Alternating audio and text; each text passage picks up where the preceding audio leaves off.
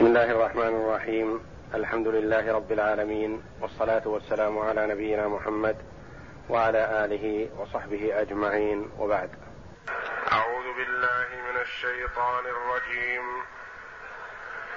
فأتت به قومها تحمله قالوا يا مريم لقد جئت شيئا فريا.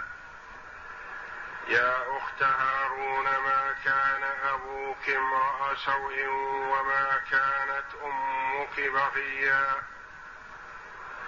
فأشارت إليه قالوا كيف نكلم من كان في المهد صبيا؟ قال إني عبد الله آتاني الكتاب وجعلني نبيا. وجعلني مباركا أينما كنت وأوصاني بالصلاة والزكاة ما دمت حيا. وبرا بوالدتي ولم يجعلني جبارا شقيا. والسلام علي يوم ولدت ويوم أموت ويوم أبعث حيا. يقول الله جل وعلا فأتت به قومها تحمله. فأتت مريم بولدها تحمله. بدل ما كانت مستحية خائفة لما ألقى الله جل وعلا الطمأنينة على قلبها واطمأنت بوعد الله جل وعلا جاءت بالولد تحمله بين يديها مظهرة له. غير مستحية ولا خائفة. ومتى جاءت به؟ أهو يوم ولادته. قيل بهذا. أم جاءت به بعدما تعلت من نفاسها؟ يعني بعد أربعين يوما بقيت في مكان وضعها تشرب من الماء وتأكل من التم من الرطب وبقيت إلى أن اغتسلت من نفاسها. أو بقيت في المكان حتى فقدها أهلها. وجاءوا للبحث عنها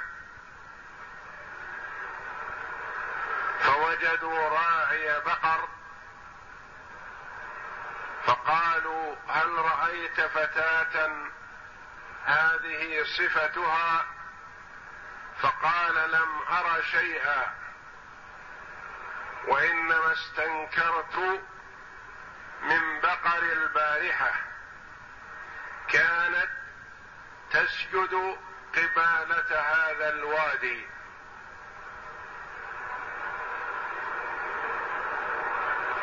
أو قال رأى نورا في هذا الوادي. فتبعوا ما أشار إليه فوجدوا مريم فأقبلت إليهم تحمل ولدها. قيل بهذا. تحمله. والجملة حال. حالة كونها حاملة له. فأتت به قومها تحمله. قالوا يا مريم لقد جئت شيئا فريا قالوا يا مريم مخاطبين لها باسمها. لقد جئت شيئا فريا عظيما. ولد وأنت لم تتزوجي؟ من أبوه؟ شيئا عظيما. فريا شيئا عظيما. ملفت للنظر أو من الفري وهو القطع. يقال فريت الجلد بمعنى قطعته. أي شيئا خارقا للعادة أو مقطوعا باتهامك بأمر فظيع. ولم يقفوا عند هذا بل قالوا يا أخت هارون ما كان أبوك امرأ سوء وما كانت أمك بغيا يا أخت هارون من المراد بهارون؟ قيل رجل صالح من قومها عابد. يعني أيتها العابدة كعبادة هارون. يحصل منك هذا. وكانوا يسمون بأسماء أنبيائهم وصالحيهم. فهارون هذا قيل حضر جنازته أربعون ألفا كلهم اسمه هارون. وغيرهم كثير ممن لم يكن بهذا الاسم. وقيل المراد بقوله يا أخت هارون هارون اخو موسى. عليهما الصلاة والسلام. وكانت مريم من نسل هارون من ذرية هارون. وقالوا يا أخت هارون كما يقال يا أخ العرب. إذا كان من العرب أو يا أخ عدنان إذا كان من هذه القبيلة. وقيل المراد بهارون هذا رجل فاسق في زمانهم. يعني أنك وقعت في مثل صفة هذا الرجل الفاسق. وقطعا ليس المراد هارون أخ موسى فهي ليست بأخته من النسب. لأن بين موسى وهارون وعيسى عليهم الصلاة والسلام أنبياء كثير. منهم داود وسليمان وغيرهم.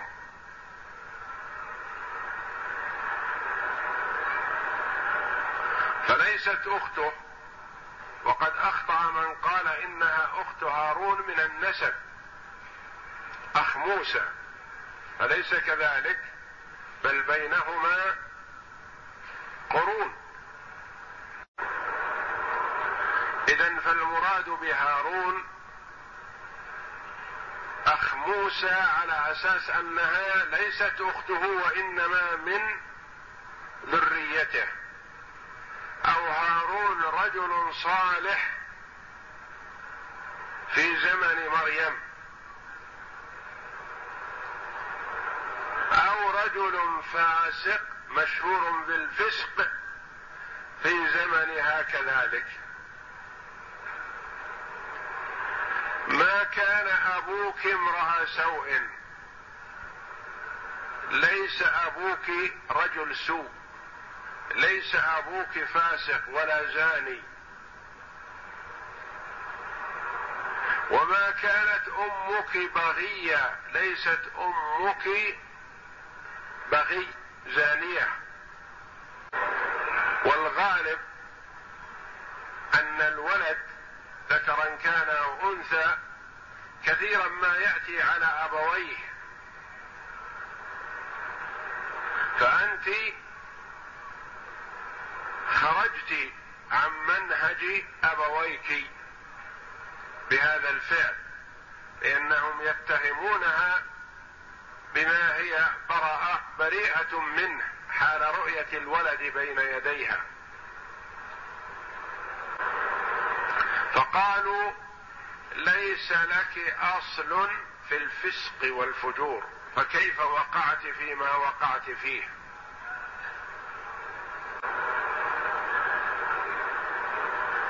وهي من بيت صلاح وتقى ونبوة ونشأت وتربت في حضانة وولاية زكريا عليه السلام. وقد نشأت نشأة صالحة فاستغربوا منها ما ظنوا أنه واقع. والحقيقة أنها بريئة مما ظنوه.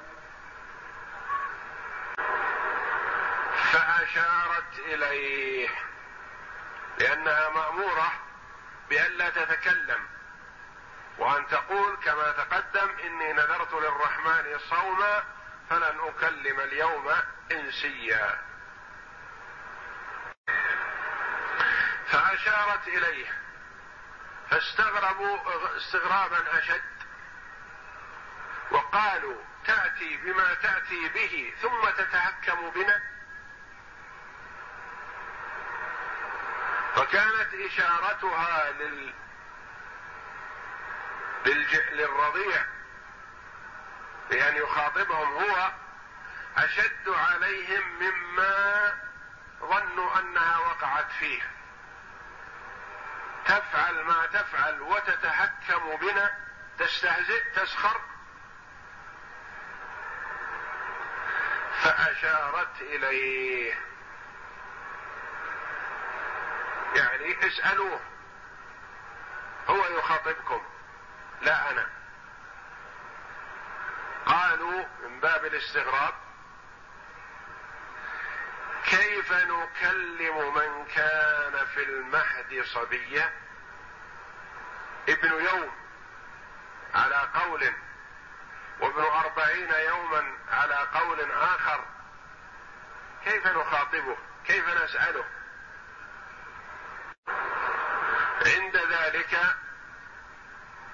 أطلق الثدي وكان يرضع من ثدي أمه والتفت إليهم وخاطبهم. قال إني عبد الله. أول ما نطق به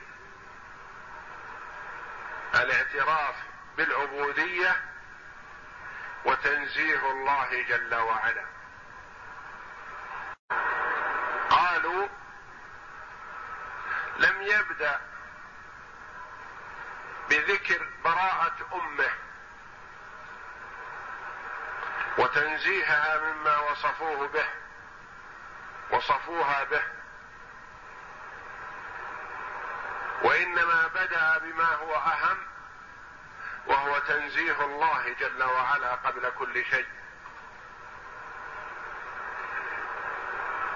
فإذا نزه الله وأثنى على الله جل وعلا بما هو أهله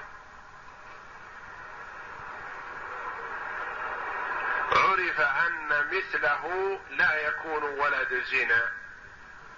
فتبرأ أمه تبعا لذلك. ولو برأ أمه ما لزم من هذا تنزيه الله جل وعلا. قال إني عبد الله. أنا عبد من عباد الله. مطيع لله. عابد لربي ولست ابنا لله. تعالى الله عما يقول الظالمون علوا كبيرا. قال إني عبد الله.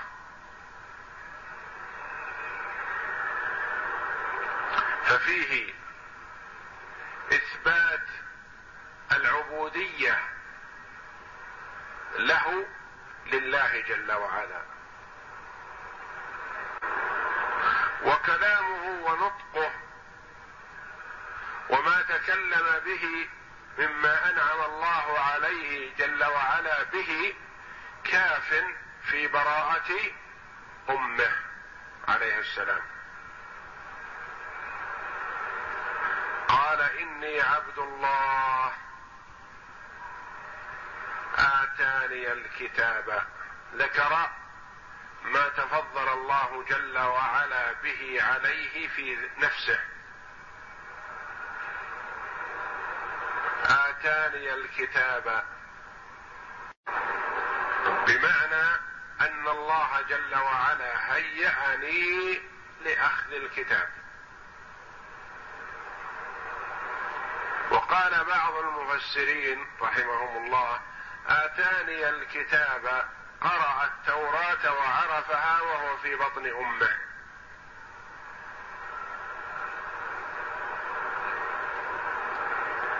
وجعلني نبيا من أنبيائه.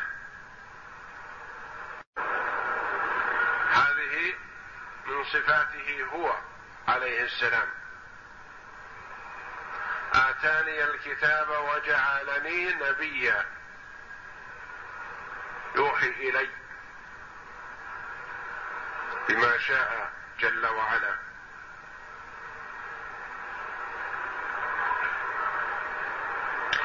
وجعلني مباركا أينما كنت. نفعه العام عليه السلام. أول ذكر عبادته لله جل وعلا ثم ذكر ما من الله عليه جل وعلا به ثم ذكر نفعه العام للناس. وجعلني مباركا على من أطاعني امرا بالمعروف ناهيا عن المنكر. وكلما كان المرء نافعا لعباد الله جل وعلا فهو أحب إلى الله. فالمؤمن يحاول أن يتعدى نفعه للآخرين ولا يكن نفعه لنفسه فقط. وجعلني مباركا أينما كنت أينما حللت فأنا مبارك.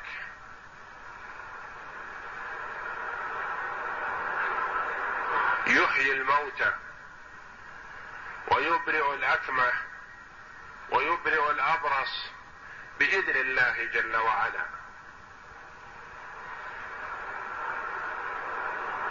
يعلم الناس الخير يدعو إلى الله جل وعلا يأمر بالمعروف وينهى عن المنكر.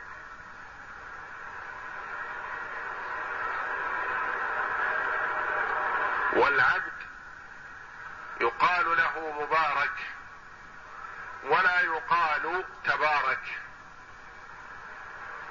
بل يقال تبارك ال... الذي بيده الملك. تبارك الله أحسن الخالقين. تبارك واما العبد يقال له مبارك.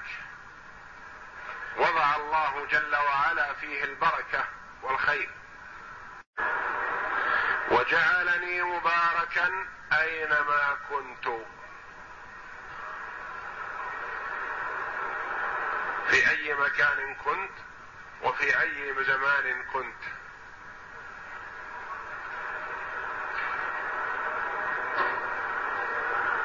فهو مبارك من صغره. من حين ولد إلى أن يتوفاه الله جل وعلا بعد أن ينزل من السماء في آخر الزمان ويحكم بشريعة محمد صلى الله عليه وسلم إلى أن يتوفاه الله فهو مبارك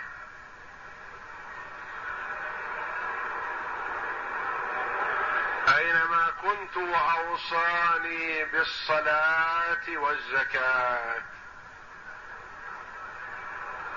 أفضل الأعمال حق الله جل وعلا الصلاة. وهي أفضل الأعمال بعد النطق بكلمة التوحيد بالشهادتين. واوصاني بالصلاة والزكاة. هي أنفع ما يكون لعباد الله.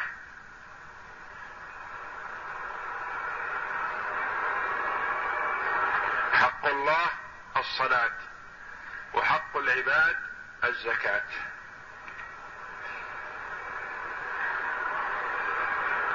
وأوصاني بالصلاة والزكاة ما دمت حيا. هل هو مكلف بالصلاة والزكاة من حين ولد؟ أم بعد بلوغه باعتبار ما سيكون؟ قولان. قال بعضهم من حين ولد. لأنه قال ما دمت حيا يعني مدة حياتي كلها أنا موصى بهذا الشيء من قبل الله جل وعلا.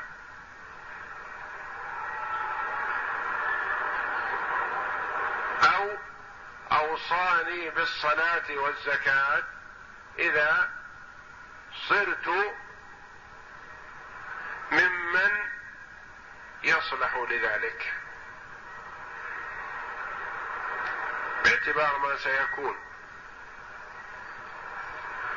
ما دمت حيا مدة حياتي. وفي هذه رد على بعض دعاة الضلال. والواقعين في الإثم. الذين يقولون إن المرأة إذا وصل إلى مستوى من العبادة سقطت عنه التكاليف الشرعية.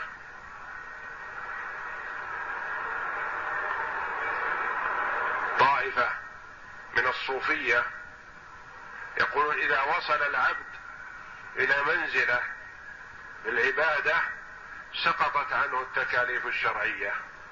والتكاليف ما تسقط. لو سقطت عن أحد سقطت عن عيسى عليه السلام. والله جل وعلا قال عنه أنه قال ما دمت حيا.